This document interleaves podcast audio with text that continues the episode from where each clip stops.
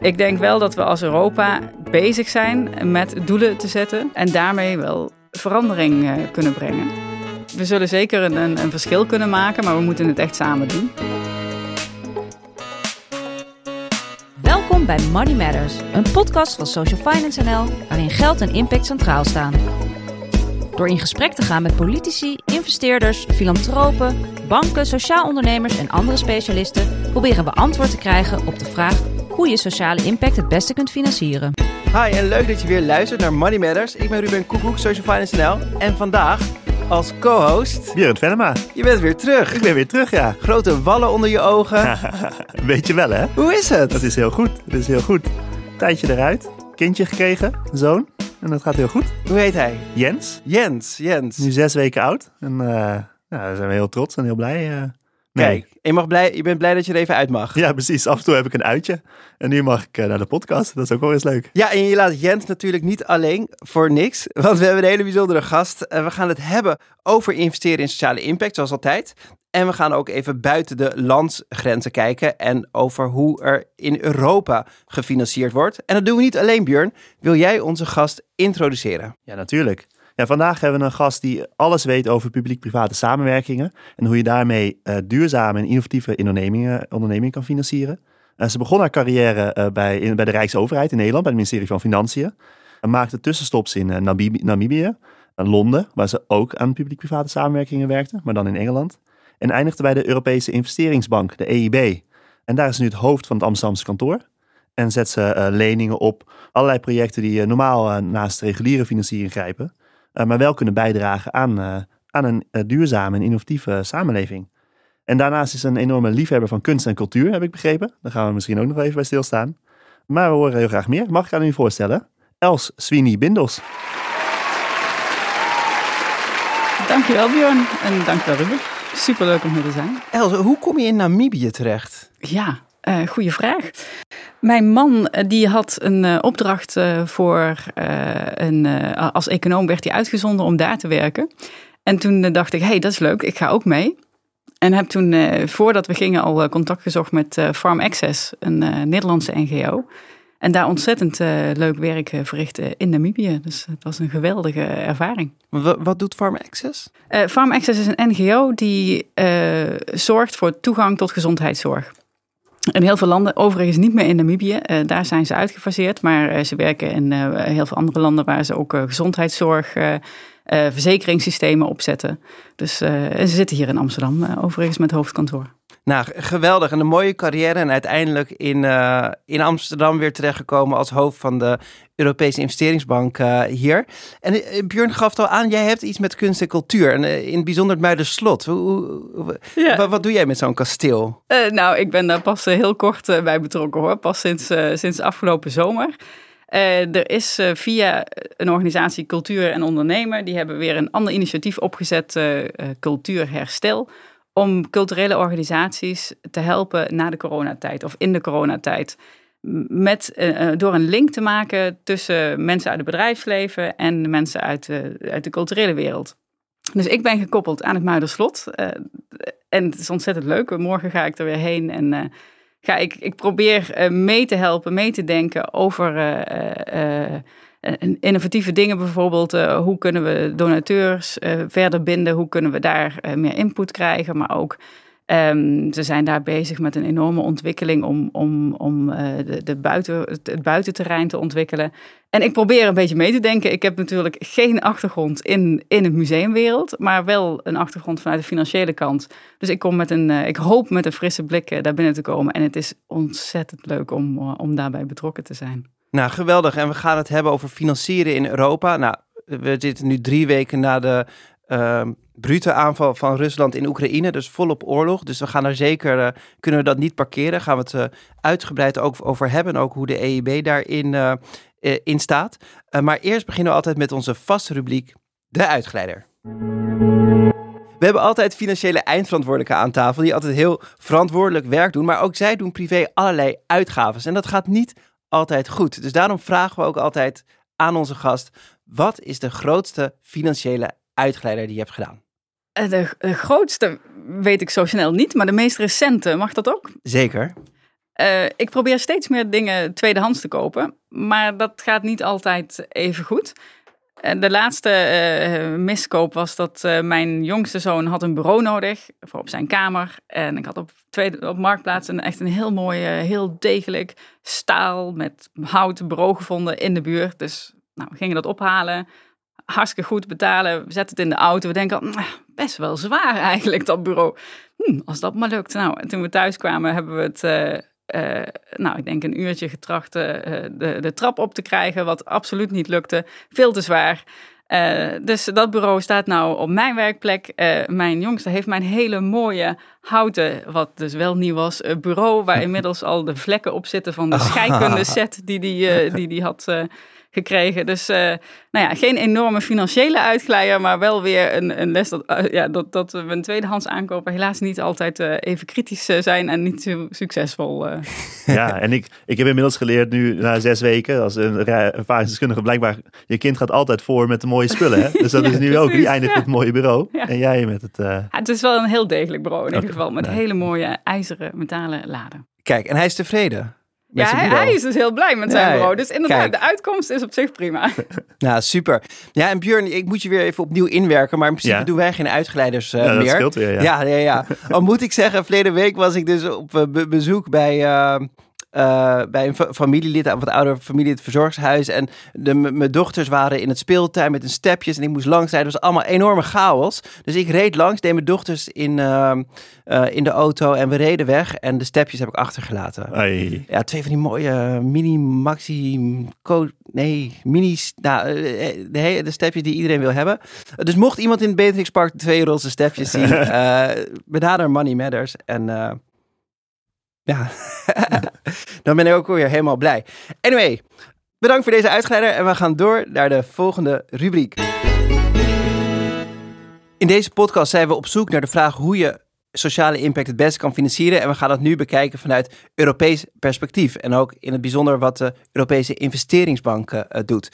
Uh, maar Els, voordat we daar uh, diep op ingaan, wat is de EIB, de Europese investeringsbank? De EIB is de, de bank van Europa. Dus de, de Europese landen, de lidstaten, zijn onze aandeelhouders. En uh, die bepalen dus ook ons, ons beleid.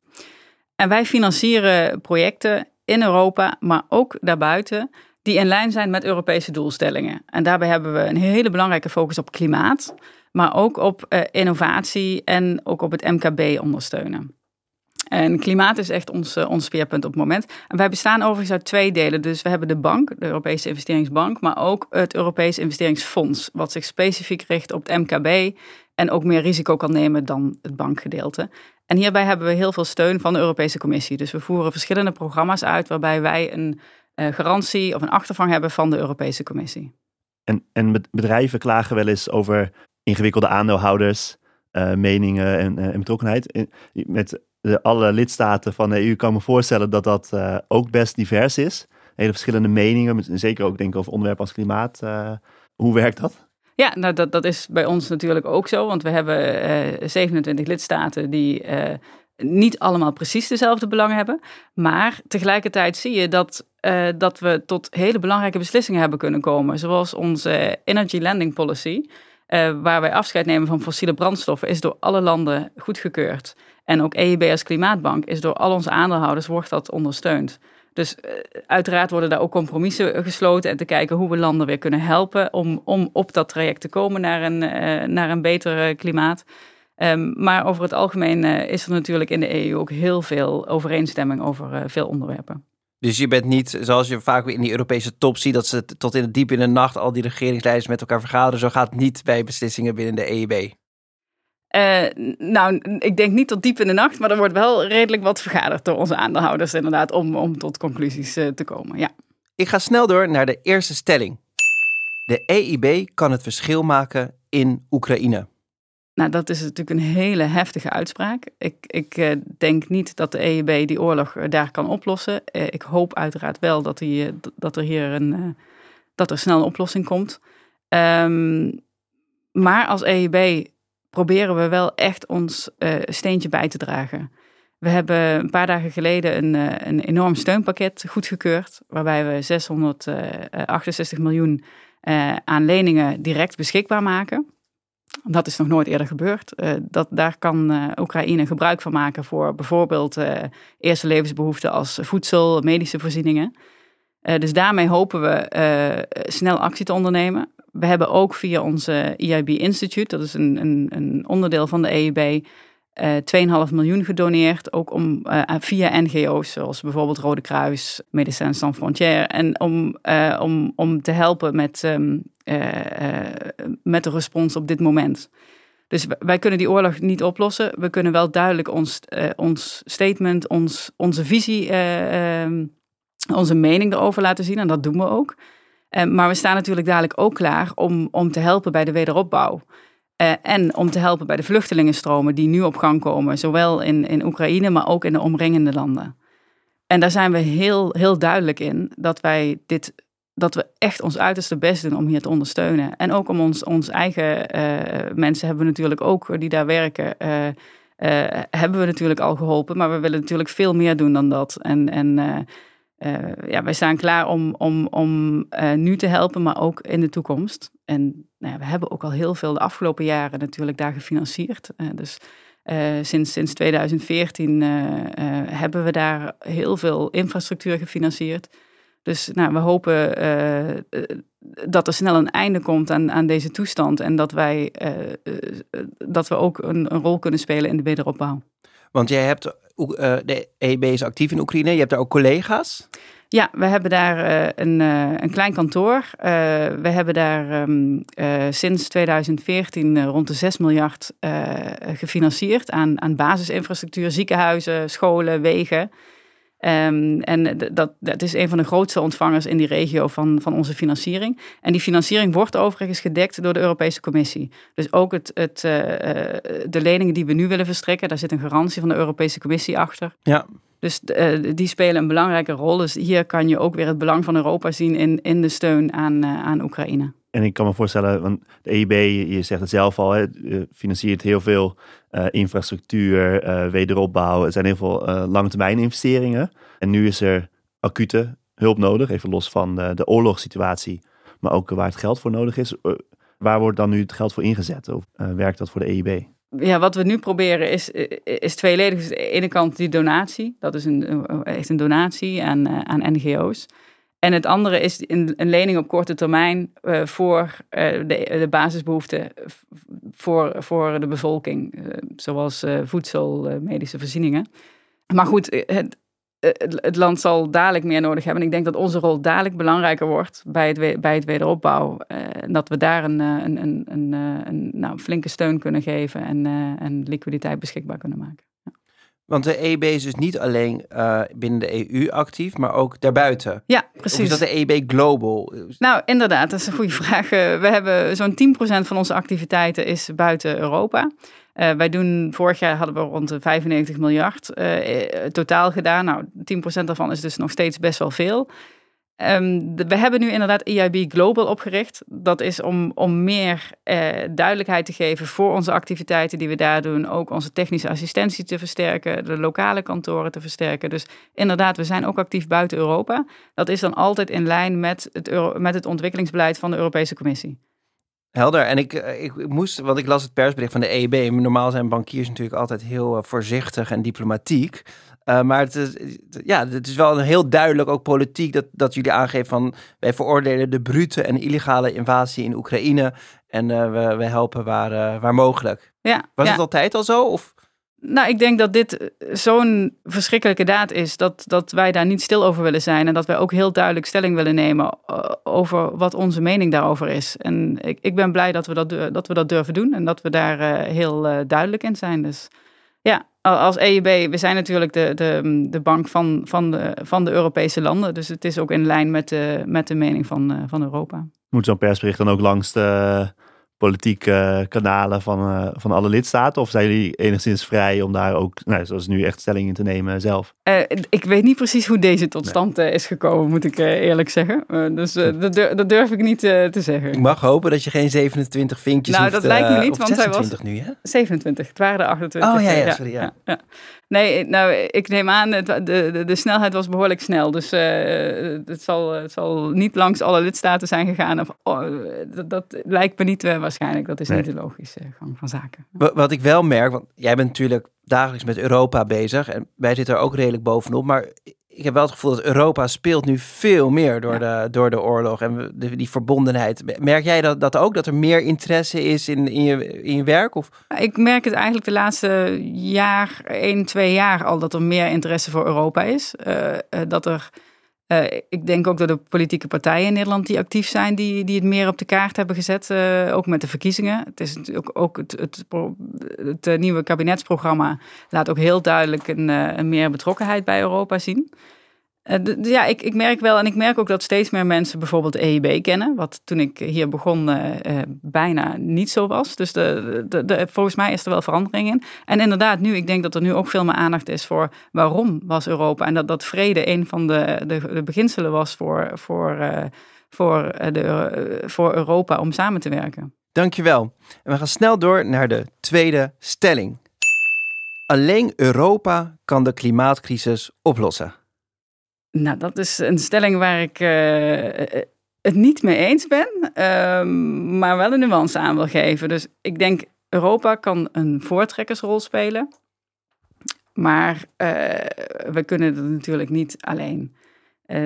alles met het klimaat heeft impact op andere landen buiten Europa. Landen buiten Europa hebben weer impact op Europa. Dus het zou het zou onzinnig zijn om te denken dat wij in Europa de wereld kunnen veranderen ik denk wel dat we als Europa uh, bezig zijn met hele duidelijke eh, doelen te zetten. En, um, uh, en daarmee wel verandering kunnen brengen. dus we, we, zullen zeker een, een, verschil kunnen maken, maar we moeten het echt samen doen.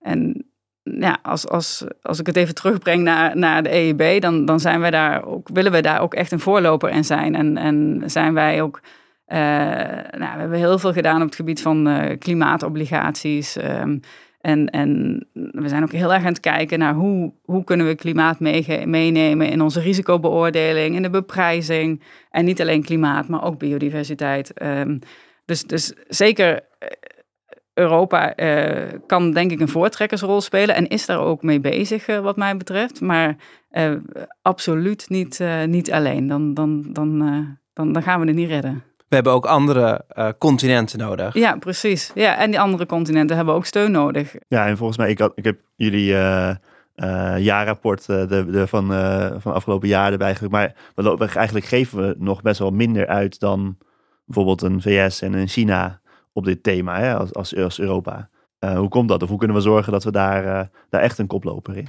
in gaan worden? Door onze regulering aan te passen. Ja, duidelijke richtlijnen voor bedrijven. En dat uh, ik denk ook dat, daar, dat we daar wellicht ook versnelling in moeten aanbrengen. En ik denk ook dat er draagvlak voor is bij wellicht de bedrijven wat minder, maar wel bij consumenten om, om hier meer actie op te ondernemen. We hebben laatst ook een onderzoek gedaan, uh, wat we ieder jaar doen.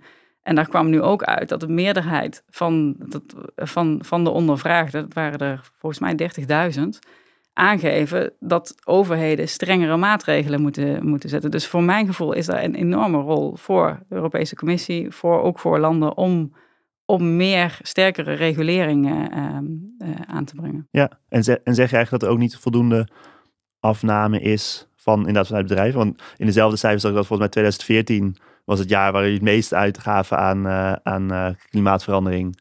En nou, dat is daarna redelijk gelijk gebleken. Maar ik denk dat de aandacht voor het thema dus 2014 en nu natuurlijk waanzinnig uh, gegroeid is. Ja. Ten positieve. Ja, en, en, en, is er dan een gebrek aan, nou ja, inderdaad, afname van, van financiering, bedrijven die er echt mee aan de slag gaan? Ik kan alleen spreken eigenlijk over wat wij financieren en wat we zien dan als climate action. En ja, dat is echt omhoog gegaan in de jaren. Dus daar, um, daar willen we toen in 2025 dat 50% van onze projecten uh, een, een climate action element hebben, een klimaatelement hebben. Nou, daar zitten we nu ergens in de 40. Uh, maar in Nederland, onze financiering in Nederland is al veel hoger. Daar is rond meer dan 60% gaat, uh, gaat naar klimaat. Dus wij zien daar wel een stijgende lijn. En vanuit onze organisatie pushen we heel erg om dat soort projecten te, te, financieren. Maar ook in ieder normaal project. Dus spreken wij met een ziekenhuis, want we financieren best wel veel ziekenhuizen in Nederland. Dan gaan wij ook vragen als wij rond de tafel zitten.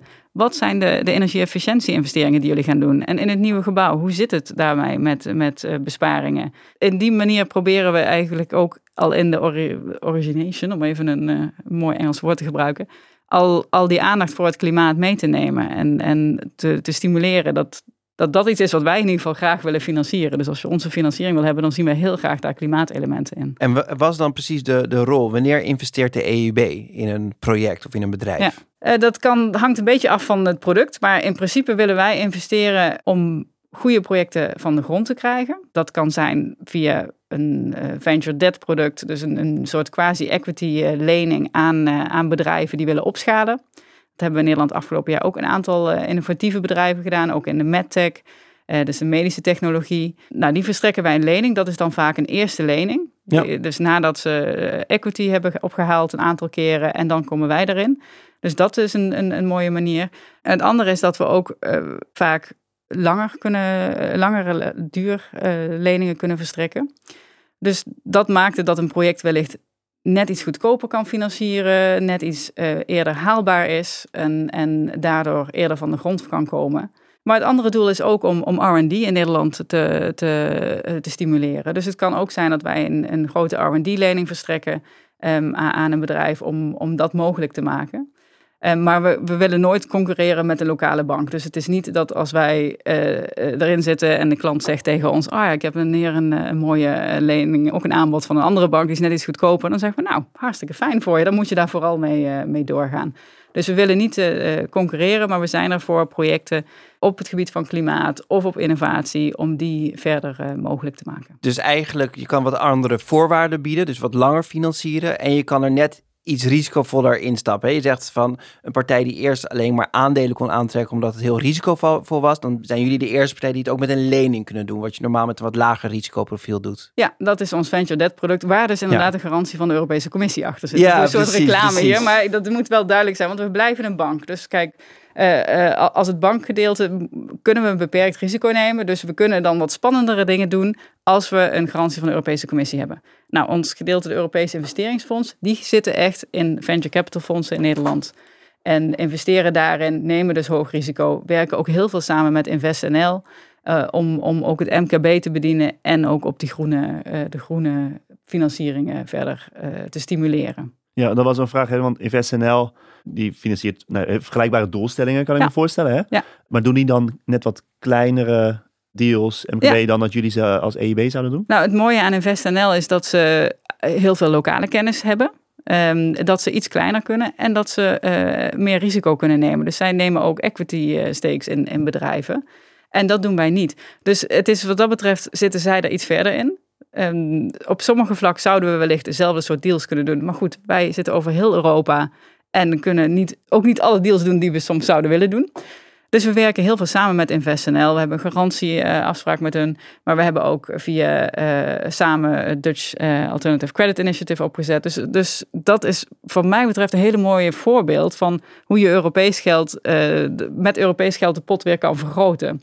Voor ons is het heel fijn dat InvestNL er is, omdat die veel meer die lokale toegang hebben. En ik denk over die tweede stelling, hè, alleen Europa kan de klimaatcrisis oplossen. Nee, maar je zegt juist, je moet nog groter denken en het is echt een mondiaal probleem. Maar ik kan me wel voorstellen dat Europa door wel meer kan doen dan, dan Nederland in zijn, uh, zijn uppie. En we hebben het gehad over uh, de, de rol die de EB kan doen.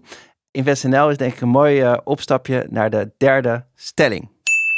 Nederland maakt te weinig gebruik van Europees geld. Ja, ik vind dat een hele leuke stelling, want ik hoor hem regelmatig. En ja, ik, ben het ook. ja, en ik ben het er absoluut niet mee eens. Nee? Nee, nee. Dus, maar we betalen toch continu naar Brussel, dan komt niet terug.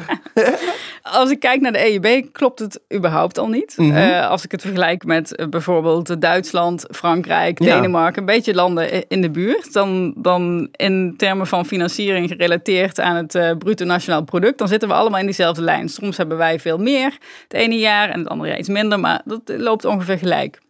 Dus qua EIB is dat zeker niet waar.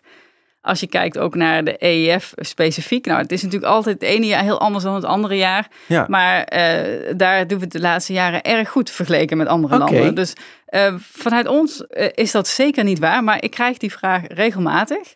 Eh, Ik denk, er is ook een ander programma wat recentelijk in het nieuws was van de Europese Commissie. Dus niet van Ja. ons, maar we zijn er wel zijdelings bij betrokken. En dat is de eh, European Innovation Council. Ja. Die geven subsidies aan hele spannende, innovatieve bedrijven. Totaal was er 360 miljoen. Daarvan is 60 miljoen naar Nederlandse bedrijven gegaan. Dus nou dat is natuurlijk geweldig, maar ook gigantisch in vergelijking met het totaalbedrag. En ook te danken aan het RVO, wat, wat heel goed eh, helpt in die voorbereiding met die bedrijven.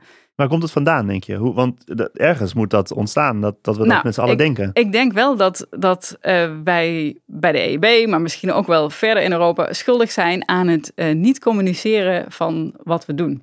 En dat we daarin in kunnen verbeteren. Nou, er stond vorige week een artikeltje in het, eh, eh, volgens mij in het FD, over eh, het Circular Bioeconomy Fund bijvoorbeeld. Nou, dat is opgericht door de Europese Commissie en de EIB. Daar zit, gewoon, er zit ja, heel veel geld van ons in. Maar dat staat er niet bij. Ik denk dat, dat, dat wij daar ook nog wel een verbetering in kunnen aanbrengen. Van wat, wat doen we nou eigenlijk? Hè? Wat, wat, wat wordt er door, door de EIB, maar ook door Europese Commissie gefinancierd? Dat dat gewoon niet altijd eh, ehm, zichtbaar is. Ehm, maar ik weet niet of dat alles verklaart hoor. Of dat er, dat er ook een algehele. eh, Maar we ja, zijn toch netto-betaler wel naar, naar Brussel. Gewoon dus niet de leningen eh, die, eh, Nee. die... Maar we zijn wel gewoon qua bijdrage aan zeg maar de, de. Europese Commissie. Zijn net, dus ik denk dat het ook wel daarmee Dat- te maken precies, heeft. dat denk ik ook. Maar dan vergeten we wel even alle onderzoeken die gedaan zijn naar de toegevoegde waarde van nee, de handel. natuurlijk, natuurlijk, en, en vrede. Op dit moment denk ik misschien dat die mening ook wel gaat Ja, veranderen. Maar ik, ik herken het zeker. Ik hoor het regelmatig. Maar ik, ik, ik denk dat het niet klopt. En volgens mij dat corona-herstelfonds, daar moet je ook plannen voor indienen. En dat hebben we volgens mij ook nog niet Daar gedaan, waren we toch? niet zo goed in, volgens mij. Nee. Ja, dat klopt, inderdaad. Daar, Ja. daar zijn eh, ze wel hard mee bezig. En volgens mij komt het eerste concept eh, het komende maand, eh, volgende maand, eh, wordt het volgens mij aan de Tweede Kamer aangeboden. Dus Ja. er wordt wel eh, hard gewerkt. Maar inderdaad, daar zijn we, dat, dat is er nog niet. Maar het komt wel, begrijp ik. Want toen Wouter Bos begon een jaar geleden, of hij is ietsje eerder begonnen met voorbereiding, maar toen zei hij ook van ja, we gaan dit InvestNL ook oprichten om meer Europees geld aan te trekken. Ja, ja. Hoe werkt het dan?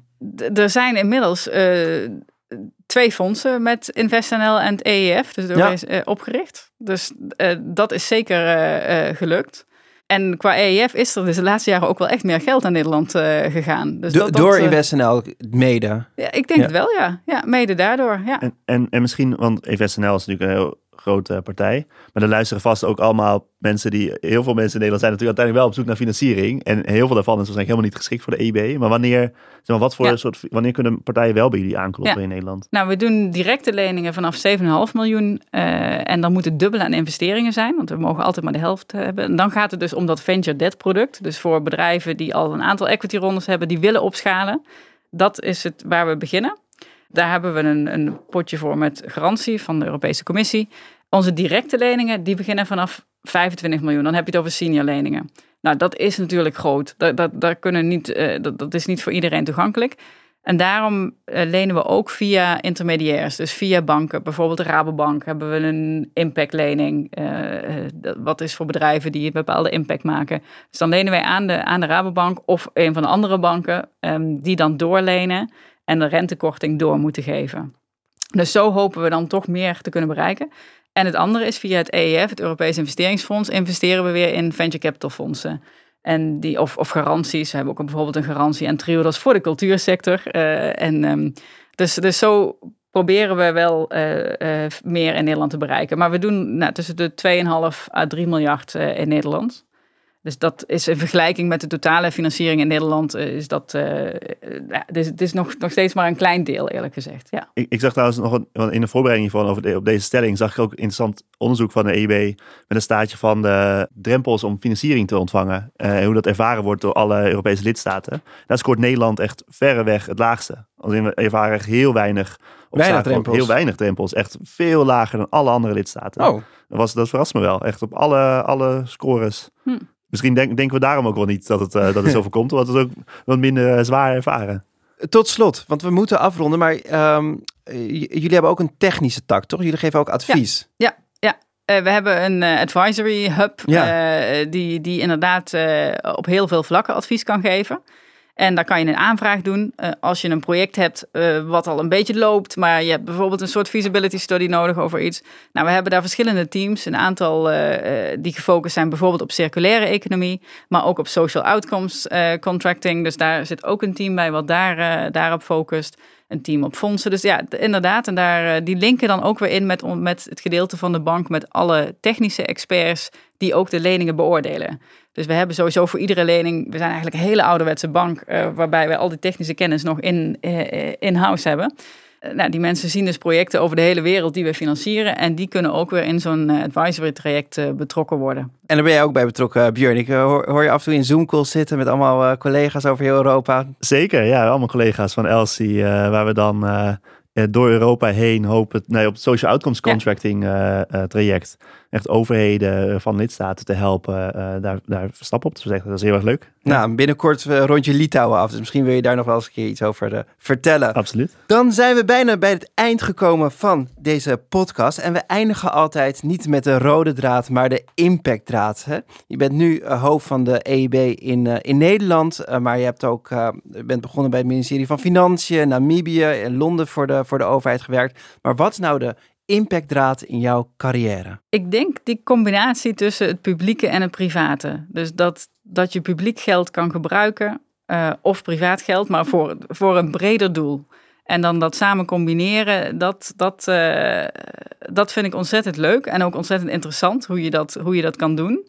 En ja, ik, nu, nu doen we dat bij de EEB natuurlijk. Maar ik heb het ook heel concreet gedaan in Namibië, eh, waar we mobiele klinieken hebben opgezet.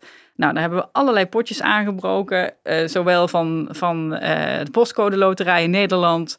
Uh, als een lokaal verzekering, gezondheidsverzekering, die, die de kliniek weer wilde betalen. En ook lokale boeren die dus voor hun personeel betaalden. Nou, en dat, die, die, die, die puzzel van alles uh, samenbrengen en, en zorgen dat het iets, uh, dat het iets wordt wat, wat echt uh, meerwaarde biedt. Ja, dat vind ik ontzettend leuk. Dus dat, dat hoop ik dat ook de rode draad mag blijven in de toekomst. Dankjewel. Ik vond het heel interessant om je verhaal te horen. En ook hoe, we, hoe belangrijk Europese samenwerking is. Nu heel urgent met de veiligheidscrisis. Maar ook de klimaatcrisis die nu ook heel duidelijk aan het oppervlak komt. Ook door de, door de oorlog in, Oekraïne en hoe je daar als EIB mee kan, uh, daarop kan inspelen en kan, uh, kan samenwerken.